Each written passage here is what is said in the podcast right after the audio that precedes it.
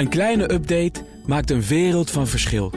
Daarom biedt IKEA voor Business Netwerk gratis snelle interieurtips en ideeën. Word gratis lid en laat je werkplek voor je werken. IKEA, een wereld aan ideeën. Ondernemerspanel. Vanaf volgende week zaterdag vervallen hoogstwaarschijnlijk de mondkapjesplicht... en het advies om thuis te werken... mits er anderhalve meter afstand wordt gehouden op kantoor. En platformbedrijven en ZZP'ers roeren zich... met kritiek op het recente advies van de SER over de arbeidsmarkt. Dat en meer bespreek ik in het ondernemerspanel. Oftewel het Haagse Hanse-panel. Twee Hansen uit Den Haag. Yes. Nou, beter kan je het wel niet hebben. Zo Ik, ik denk het niet, toch? als we jullie maar kunnen verstaan zometeen. Ik weet niet of jullie nog plat Haags kunnen. Oh, ik weet niet. Dat was dus de ene Hans, Hans Mulder van de VIA-groep. Hans Biesheuvel van ONL. Wat kun je er tegenover stellen? Aan goed Haags? Eh, jeetje, nou. Oké, nou, je hebt nog een half uur. ik, nou, mijn, eh, het Oranje Plan. Het oranje Mijn, plan. mijn, grootvader die had vroeger, die is begonnen ooit op het Oranje Plan. En dat 12-jarige jongetje moest ik daar klanten gaan helpen. En pakbonnen opbergen en eh, pakjes bezorgen.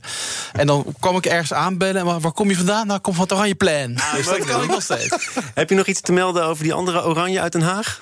Die niet die anderhalve meter afstand heeft gerespecteerd, omdat we het daar ook over gaan hebben. Ja, die was daar inderdaad ook in de buurt van het Oranjeplein gisteren. En eh, die, nou, ja, die zit niet in de meest gelukkige fase, volgens mij, van het koningschap. Eh, maar Zeldzaam genuanceerd, Hans Biesheuvel, voor Ja, jou doen. ja, nou ja, ik, ik, ik, zie, ik zie ook een hoop goede dingen gebeuren. Laten we het daar even op houden. Ja. Wat is jouw eh, nieuws van deze week? Nou, mijn nieuws is toch vooral het berichtje van vanochtend... dat het met het aantal faillissementen enorm meevalt in Nederland. En zeker ten opzichte van de rest van Europa. Vind ik toch eigenlijk heel goed nieuws. Het zegt veel over de veerkracht van, van, van ondernemers, van bedrijven in Nederland. Het zegt ook veel dat dat steunpakket... waar we het hier ook heel vaak over gehad hebben... toch echt goed zijn werk heeft gedaan. Of te goed?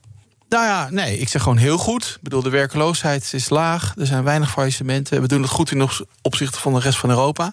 Ik zou nu wel zeggen, dit is dan het moment... om met die goede uitgangspositie ook slimme en goede dingen te gaan doen. Eh, maar ik krijg er wel een optimistisch gevoel van. Nou, We hadden net eh, een uitgebreid gesprek met Wouter Bos. Kees de Kort, Corné van Zel, allemaal mensen die zich ook hebben uitgelaten over die faillissementen, steunprogramma's. ehm, en, en de kritiek daarop laat zich natuurlijk raden. Hè. Uiteindelijk moet de markt zijn werk doen. En als je niet levensvatbaar bent, dan ben je niet levensvatbaar. En dan hoort daar een consequentie bij, namelijk dat je het niet redt. Ja, maar ik vind dat een hele andere discussie. Daar ben ik het namelijk in de kern mee eens. Alleen op het moment dat jij gedwongen eh, gesloten bent... en dat zijn heel veel ondernemers geweest... vanwege gewoon simpelweg een pandemie die zich voordeed... dat heeft helemaal niks met ondernemersrisico te maken... vind ik het volkomen terecht dat er steun is... iedereen de kans krijgt om eh, zich te herpakken, dit te overleven. En natuurlijk ben ik er niet voor om dat allemaal tot einde, tot einde der tijden vast te houden. De markt moet uiteindelijk wel zijn werk Maar wel tot gaan doen. 2022. Maar iedereen moet gewoon een verre kans hebben. Nou, die verre kans eh, kunnen heel veel ondernemers pakken. Hebben ze ook gepakt. En dat vind ik gewoon heel goed. De andere Hans, wat is jouw nieuws van vandaag? Ja, ik las het eh, New York Times dat er ook innovatie plaatsvindt in het stemmen in Amerika. En dat is niet meer één persoon die mag kiezen, maar een ranked election.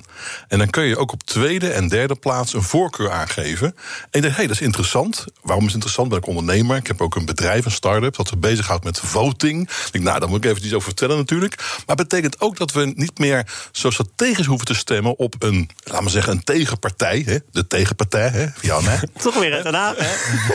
Maar dat je ook echt kunt stemmen wat je voorkeur is. En dat het ook veel betere indicatie geeft van ook toekomstige verkiezingen. Waar wil die burger nou eigenlijk naartoe? Dus ik dacht, hey, interessant onderwerp. Dat is eigenlijk een beetje onderbelicht, vind ik. Maar dus de verkiezingen in de stad eh, New York... die gaan dus plaatsvinden via een ranked election. En hoe kun je daar een eh, bedrijf op baseren? Want je zegt, ik heb een bedrijf eh, dat zich bezighoudt met voting. Voting is toch eigenlijk met name iets wat mensen zelf moeten gaan doen? Ja, maar je kan ze ondersteunen online. Dus we hebben daar een heel mooi programma voor. Ik zal geen namen noemen om die reclame natuurlijk te voorkomen. Maar dat programma dat we hebben maakt het mogelijk om op je telefoon, op je tablet, op je laptop met elkaar binnen bedrijven ook te stemmen. Algemene ledenvergaderingen kun je aandenken. Je kunt denken aan voorstellen die je met elkaar kunt bespreken. Nee, dus dat is een ondersteuning eigenlijk van ja, de besluitvorming. Over besluitvorming gesproken. Vanavond wordt het eh, vermoedelijk officieel. Eigenlijk weten we het al. Vanaf volgende week zaterdag vervallen de mondkapjesplicht en het advies om thuis te werken. Als er dan tenminste die anderhalve meter afstand gehouden kan worden. Ook daar inmiddels twee kampen. Mensen zeggen het kan niet vroeg genoeg zijn. Laat het zo snel mogelijk zaterdag worden. En andere mensen zeggen ja, ik ben nu toch een beetje overvallen door de snelheid. En dat zal misschien ook sommige ondernemers toch zijn opgevallen dat er in één keer heel snel heel veel kan. Hans Biesheuvel, hoe kijk jij naar wat er nu gebeurt? Nou, eh, ik zit in het kamp en blij dat er heel veel kan. Hè. Uh, we hebben natuurlijk lang, lang uh, gewacht hierop. Het heropeningsplan. Hè. Bij de eerste twee stappen zag je bij heel veel ondernemers wel opluchting. Maar ook nog wel zoiets van eerst zien dan geloven. Hè. Uh, en nu, nu je echt ziet dat het snel gaat, ook met het vaccineren, keert het vertrouwen echt terug. Mensen durven weer vooruit te kijken, weer te gaan investeren en, te, en, en echt te ondernemen. En dat is natuurlijk de beste manier om uit de crisis te komen. Dus ik ben er heel blij mee. Moeten we natuurlijk wel verstandig mee omgaan. Hè?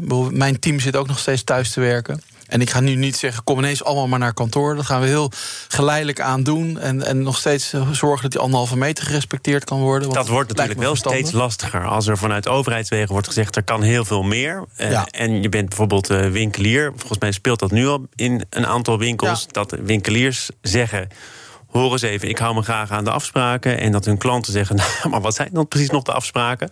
Ja. Uh, dat dat tot conflicten kan leiden. Nee, dat snap ik heel goed. En dat is, dat is ingewikkeld, dat is een lastige fase. Tegelijkertijd zeg ik, ja, weet je, je kan er zelf heel veel aan doen. Nogmaals, wij zeggen gewoon, nou, we gaan niet, echt niet in één keer nu met z'n allen naar kantoor. Dat gaan we rustig en geleidelijk en beheerst doen. Uh, je kan natuurlijk bij de winkel, ik zie bij de Albert Heijn, waar ik dan kom, uh, die hebben gewoon maar een beperkt aantal karretjes beschikbaar gesteld. Hè? En meer, meer mensen dan karretjes kunnen gewoon niet in de winkel. Dus je kan er ook op een nou, wat vriendelijke manier toch dat nog een beetje blijven reguleren. En ik raad iedereen aan daar slim over na te denken. De andere Hans, wat is. Uh... Nou, ik zie wel wat logistieke uitdagingen als iedereen weer terug naar kantoor gaat. Ik kom regelmatig bij kantoren die uh, erg hoog zijn. Hè, laten we zeggen 20, 30 verdiepingen. En dan zit ik me toch af te vragen hoe allemaal die liften pasten. Hè, dus ik denk dat het echt belangrijk is om bij het terugkomen op het werk toch enigszins wat afspraken te maken. En zodat het ook werkbaar blijft. Want ja, in die lift moet je natuurlijk wel degelijk natuurlijk die ruimte kunnen behouden. En dus uh, we hadden met elkaar over. Hans, ook zijn eigen dat achterban, heeft ook een goede afspraken gemaakt over wanneer gaan we naar kantoor en wanneer gaan we niet naar kantoor. Dus dat lijkt me wel een belangrijk. Uh, ja. Dus je moet jezelf beperkingen, restricties opleggen om er überhaupt voor te zorgen dat het logistiek kan. Ja, ik denk als je een gebouw hebt zoals in Rotterdam, in een gemeentehuis, en dat is 23 verdiepingen hoog, en je moet gewoon een uur wachten dat je de lift in mag. denk ja. Ja, en ik hoop dat we een beetje geleerd hebben van vorig jaar. Hè?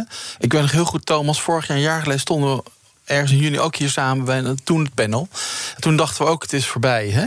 Toen konden we allemaal met vakantie. Derde kwartaal ging iedereen weer los. En eind augustus werden we in één keer weer met de realiteit geconfronteerd... van ineens weer een oplopende besmettingen. En dan hebben we echt drie kwart jaar heel moeilijk doorgehad met z'n allen. Dus ik hoop dat we ook dat verantwoordelijkheidsbesef een beetje... met, met z'n allen kunnen opbrengen. Maar is dat dan aan ons of is dat dan aan het kabinet... dat nou, er ruimte biedt om burgers zo eh, vrijbundig of uitbundig te kunnen laten leven? Nou, ik, ik vind het, het is, het is natuurlijk aan ons, hè, in eerste instantie... gewoon als, als verantwoordelijke mensen, maar ook als burgers... om gewoon verstandig met dingen om te gaan. Ik vind wel het kabinet in de communicatie en het beleid heel duidelijk moet zijn. Ik bedoel, ik hoop dat er een helder boodschap vanavond is. Dat je precies weet waar je toe bent. daar heeft het de afgelopen tijd wel eens aan ontbroken. Hoe leg je nou, pas je de regels naartoe? En één punt wil ik nog wel even maken. Kijk, je ziet natuurlijk ook dat er soms landelijk iets mag. Maar dan bijvoorbeeld zie je bij de evenementen, zie je bij kermissen, die hebben lokaal nog steeds een vergunning nodig. En je ziet dat degene die de vergunning moet verlenen... soms niet altijd precies weet van ja, wat zijn nou de afspraken, hoe zit het in elkaar. Dus ook daar is veel te verbeteren nog. En nog even naar de terugkeer naar kantoor. Ja. Ja, dus er ontstaan problemen waarvan je niet wist dat ze bestonden. Maar neuropsycholoog Linde Nieman... die heeft eh, de afgelopen tijd ook de media wel opgezocht... met haar boodschap dat je niet te snel moet switchen... van thuiswerk naar kantoorwerk, want voor je het weet raak je overprikkeld. Ja, ja. Je kunt alle indrukken niet meer aan. Ja, je knikt heel begrijpend. Ja, nee, ik Je bent bang voor wat je allemaal te wachten staat, Hans. ja, maar is, is dat nou onzin? Is dat zoals mensen dat tegenwoordig noemen... het rubberen tegelparadijs? Moet alles altijd maar uh, heel, heel zorgvuldig... en met de grootst mogelijke zorg uh, worden georganiseerd? Of moet je gewoon zeggen, joh, zeur niet, ga ik naar kantoor, joh? Nou, ik denk dat je wel moet nadenken... wat heeft het ons allemaal geleerd? En helemaal terug naar, wat net zeiden... 40 uur op de week op kantoor gaan zitten. Ik weet niet of dat nou de wenselijke terugkomst is. Ik zou ook kunnen voorstellen dat je zegt... toch erg plezierig om die files een keer te vermijden. kunnen we daar gaan afspraken over maken dan in tijden? Uh, je werk voorbereiden. Moet het allemaal dan op kantoor gebeuren? Nabespreken.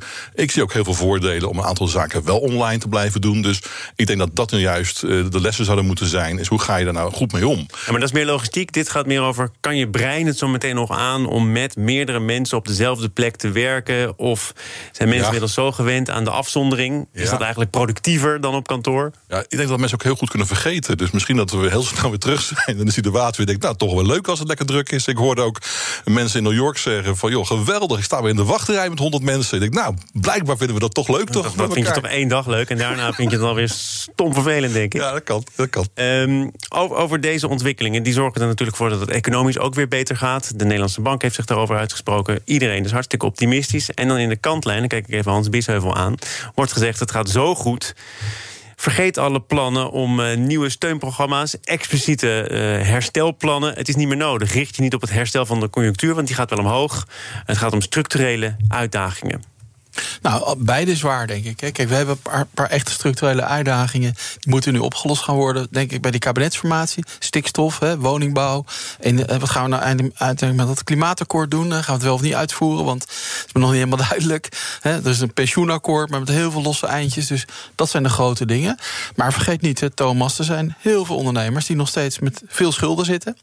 Die uh, een jaar niks verdiend hebben. Die door hun reserves heen zijn. Dus er is nog heel veel herstel nodig. Want je wilt natuurlijk ook bedrijven die. Groeien met 3%, 3,7%. Is dat allemaal veel te veel macro geredeneerd om te kunnen zeggen: het gaat hartstikke goed. Waarom nog extra geld pompen in iets wat min of meer voorbij is? Ja, maar kijk, macro gaat het goed. Maar onder de motorkap zijn er heel veel bedrijven die zeg maar uh, heel slecht gedraaid hebben al die maanden. Die een grote rekening hebben betaald voor deze crisis. Nogmaals, geen inkomen, door de reserves heen en veel schulden opgebouwd. Die zijn echt niet zomaar weg omdat drie weken je terras open zijn. En we willen natuurlijk ook weerbare bedrijven die tegen een stootje kunnen. Die we gewoon weer hun belastingen kunnen betalen. Die kunnen investeren. Nou, daar is echt herstel voor nodig. Nogmaals, er zijn bedrijven fantastisch gedraaid. Daar is dat niet voor nodig. Maar heel veel bedrijven onder de motorkap moet dat echt nog heel veel herstelwerk uh, gaan plaatsvinden. Het uh, tweede deel van dit panel komt eraan. Zaken doen. Thomas van Zeil. Met nog altijd toch een slordige 70 kilometer van Den Haag. Twee Haagse Hansen. Hans Wiesheuvel, voorzitter van ONL. En Hans Mulder, directeur van de VIA Groep. Komen we nooit meer vanaf, Hans? nee, we gaan jullie voortaan gewoon... Zijn jullie op de boeken of niet? Ja, door ons dus. Maar uh, dit, dit, is fantastisch. Maar we kunnen wel even een tentje ja. van ja, Evenementen mogen weer. Dus ik zou zeggen, pak die tenten. De pak de zalen.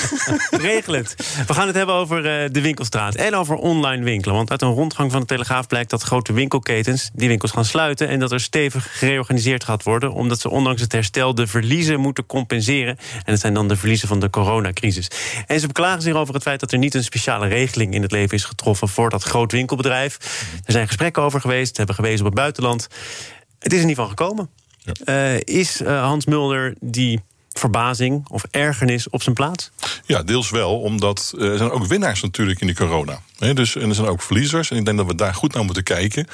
Um, en ik denk dat als je kijkt naar uh, de mensen die dat nu aangeven, die hebben dus echt wel een behoorlijke wat klappen gehad.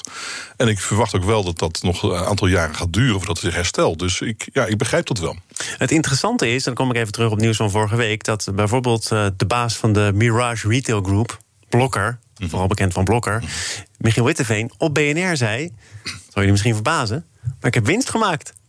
Dat is toch wel het groot winkelbedrijf. Dat is iemand die meerdere keren heeft gezegd... maar je moet ons niet aan ons lot overlaten. Mhm. En puntje bij paaltje, terugkijken naar 2020, in de plus. Ja, ik denk ook dat het kan zijn dat er voorschrijdend inzicht is. Ik zag ook een aantal bedrijven die echt slecht gedaan hebben. Die hebben nu zo'n inhaalslag gemaakt. Ja, dat is natuurlijk ook perfect nieuws. Hè, dat ben ik mee eens. Maar het zal niet betekenen dat voor iedereen dat eh, het geval is. En er zullen een aantal zijn die ja, deze last uh, nog jaren met ze mee gaan dragen. En ik vind dat je er wel iets tegenover moet stellen... om gewoon een goede ja, een nieuwe lijn te kunnen beginnen. Dus, dus ja, ik, ik denk dat er een aantal bedrijven zijn die het goed gedaan hebben. Sommigen dat bijzonder goed gedaan hebben. Maar er zijn een aantal bij die hebben echt de rekening betaald voor zeg maar, de lockdown. Ja, maar een algemene uh, regeling, daarvan zegt het ministerie van Economische Zaken... dat is complex en dat is ongericht. Ja. Uh, Hans Bieshoff, als ik dat aan jou vraag... En, en er is dus een duidelijk onderscheid tussen winnaars en verliezers... Ja. is het dan niet op zijn plaats dat die regeling er niet komt? Voor iedereen? Ja, kijk, nou ja, ik vind het lastig om onderscheid te maken ook tussen groot en klein. Hè? Want weet je, kijk, wat ik daar straks ook al zei, kijk, die crisis heeft natuurlijk tot uh, een situatie geleid dat je helemaal buiten enig ondernemersrisico om geconfronteerd werd met een situatie waar je ook nul invloed op had. Ja, en de ene kon daar misschien wat sneller en wat makkelijker mee omgaan dan met de ander. Maar ik vind eigenlijk dat ook die, die grote bedrijven die niet makkelijk konden schakelen. Denk eens aan Corendon, om maar eens voorbeeld te noemen. Dat is ook een ondernemer die ik heel goed ken. Ja, zit ook nog in een ander gevecht overigens met maar Sunweb, maar dat maar, als, maar, maar, maar, gewoon het, het bedrijf als zodanig ongelooflijk hard geraakt Alle vliegtuigen hebben aan de, aan de, grond gestaan. Alle hotels waren dicht.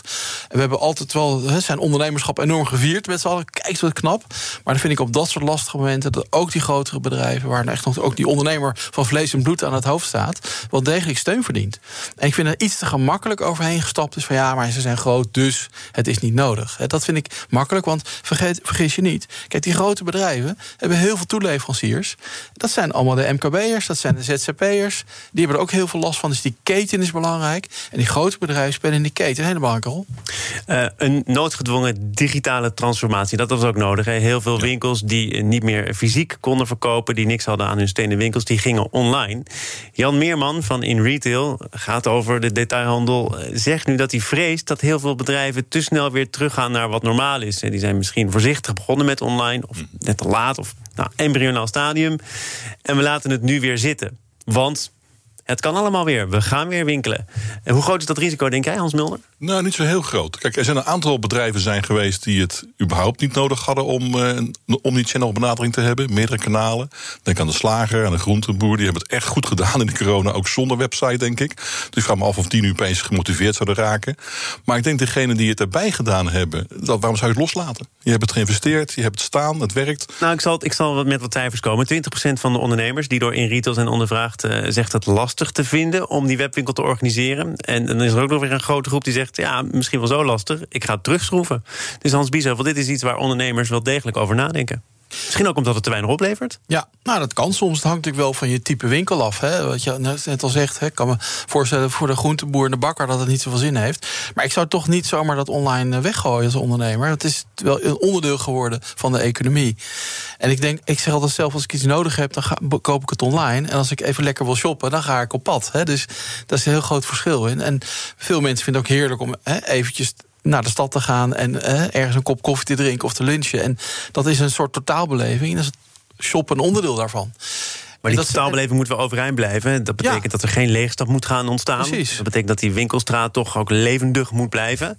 In retail zegt het duurt nog wel even voordat we op het niveau terug zijn. Althans, dat, dat nadert wel, maar eh, het is allemaal nog wel fragiel. Zeker. En daarom is ook, raad ik ook aan heel veel ondernemers aan die ons benaderen. Van, ga nou met elkaar ga samenwerken hè, met je collega-ondernemers. Ga in gesprek met de gemeente of je ondernemersvereniging in de buurt. Ga nou met elkaar kijken hoe, van, hoe kunnen we die, zo'n winkelgebied nou levendig houden, aantrekkelijk houden. Hoe kunnen we de, de, uh, de beleving inderdaad vergroten? Want mensen zijn op zoek naar beleving. En die beleving is ontzettend belangrijk. En ga niet ijzerheinig in je eigen winkeltje redeneren, maar kijken of je kan samenwerken. Want dat is vaak de beste sleutel naar, dat, eh, naar die beleving. Over dat samenwerken gesproken. De platformbedrijven laten van zich horen, al dan niet gebundeld. Daar gaat het nu even over. En dan met name over hun relatie met medewerkers of opdrachtnemers, ZZP'ers, geen zelfstandigen. Het komt allemaal voorbij. En er dreigt een tweedeling te ontstaan. Sommige platformbedrijven, zoals Uber, pleiten voor het blijven gebruiken van ZZP'ers. En andere, Just Eat Takeaway, laat zich daar echt op voorstaan. Nee, wij werken alleen maar met mensen die bij ons in dienst zijn of die via een uitzendbureau voor ons werken. Um, aan welke kant zou jij staan als jij uh, een platformbedrijf zou hebben, Hans Mulder? Ja, dit is wel afhankelijk echt van het type dienstverlening hoor. Kijk, als het een kwestie is dat die mensen voltijds, bij wijze van spreken, dat, uh, in, een, in, een, ja, gezagsverhouding zitten, dan vind ik dat een dienstverband ook passend is. En dat bedrijf dat daarvoor kiest, heeft denk ik daar ook meer voordeel van. Maar als het een kwestie is dat het niet zo is, dat het een netwerk is wat ingeschakeld wordt, wat ook zijn eigen klanten nog heeft en bedient, dan denk ik, ja, laat die mensen alsjeblieft ondernemer zijn, want daarmee maak je het alleen maar moeilijker voor ze. Dus ik vind het een beetje lastig om te zeggen dat geldt voor elk platform. Nou, Uber zegt, uh, er zijn te veel fiscale regelingen. Het zijn echt klusjes, het zijn hele korte verbanden. Uh, dus daar hoort dan niet bij dat we iemand in dienst nemen of via een uitzendconstructie voor ons laten werken. Just die takeaway zegt juist, nee, wij gaan niet meedoen aan die race naar de bodem. We hebben er ook behoorlijk wat extra loonkosten voor over, 35 procent. Is dat niet gewoon ook eigenlijk wat je als werkgever, want dat is Just die takeaway in dit geval, het beste kunt doen? Nou ja, kijk, ik ben voor gewoon veel betere criteria. Hè. Er zijn nu ontzettend veel constructies mogelijk. Hè. We hebben met vakbond AVV en VZN het sociaal akkoord afgesloten. Hè. Beetje langs de lijnen van, de, van het advies van de commissie Borslap. Hè. Creëer nog veel duidelijkere rijbanen. En dan, is het, moet je als werkgever of als opdrachtgever kiezen... Ja, op, welke op welke rijbaan zit ik nou? En dan moet, vind ik, dan moet je wel aan de spelregels houden. En die spelregels moeten duidelijker zijn, scherper zijn. Die zijn niet duidelijk en scherp. Dus daar ben ik heel erg voor. Dat we daar gewoon eerlijk eerlijker en, en opener en transparanter met elkaar systeem gaan Maar daar is toch bijna iedereen inmiddels voor? Voor duidelijke rijbanen, ja, echte flex, in de praktijk. echte Nee, dat gebeurt in de praktijk niet. Kijk, Nee. ik vind mijn dochter van, van 17, die zegt... joh, ik vind het leuk om twee uur per week wat bij te verdienen. Vind ik heel iets anders dan iemand van 33 die ervan moet leven. En, da- en die spelregels kunnen we prima maken. Die hebben we in ons sociaal akkoord allemaal opgeschreven. Allemaal prima, naar mijn idee toepasbaar. En ik heb ook heel veel platformbedrijven gesproken de afgelopen week... die allemaal zeggen, we willen ook naar die duidelijke spelregels... en naar die rijbanen. Want we zitten nu steeds in het hoekje van nou, slechte werkgeverschap. En, eh, dat ja, maar maak jij er nu, maak jij er nu toch ook niet een uitvoeringsvraagstuk van... terwijl het ook een, gewoon een principiële kwestie is? Wat vind je het beste voor je mensen? Ja, maar kijk, ik, ik maak een onderscheid tussen eh, zeg maar een, eh, iemand die van 17 die twee uur per week wat bijverdient, of iemand die er echt in dienst eh, zou horen te zijn, hè, om jouw termen te praten en ervan moet leven. Dat vind ik een heel groot verschil. Maar die spelregels, die, dat onderscheid tussen die twee eh, vormen van werk, die zijn gewoon niet duidelijk. En dat moet veel duidelijker worden. En dan kunnen mensen een eigen keus maken. Nou, hoe komen die platformbedrijven van hun... In, inderdaad, wat Hans Biesheuvel zegt, van hun slechte naam af? Betekent dat dat ze meer de krachten moeten bundelen? Dat ze in het vizier van politiek Den Haag moeten komen? Want dat hebben ze ook al gezegd. Hè? Wij willen samen in gesprek met Den Haag. En dan liefst zonder de vakbonden, want eh, wij voelen ons niet vertegenwoordigd. Ja, maar het overleg is dus waarom het draait. Als je zegt, kijk, ik werk gewoon 30 uur in de week. Dan ga je voor die ene platform, denk ik, ja, wacht eventjes, dat is een mooi criterium. Dan zit je daar dus gewoon voor te werken. Als je zegt, ja, maar ik wil liever, hè, als eh, dat persoon twee uur daar werken, twee uur daar werken, twee uur daar werken, ik vind het genoeg. Wie doe je daar dan een plezier mee? Dan denk ik, dus, we moeten wel zorgen dat we en de belangen van die, eh, die werknemers of die opdrachtgevers hebben, eh, en ook de belangen van de, de platforms. Die moet je samen met elkaar in overleg eh, laten gaan. Hansen met piepende banden terug naar Den Haag, uiteraard. Dank voor jullie bijdrage aan het eh, ondernemerspanel. Hans Biesheuvel van ONL en Hans Mulder, onder andere, want heel veel meer, dat weet ik, van de VIA-groep. Dank voor jullie komst. Zometeen dan eh, spreek ik uiteraard mijn zakenpartner. En daarna is het tijd voor de pitch in BNR Zaken doen. Dus blijf luisteren.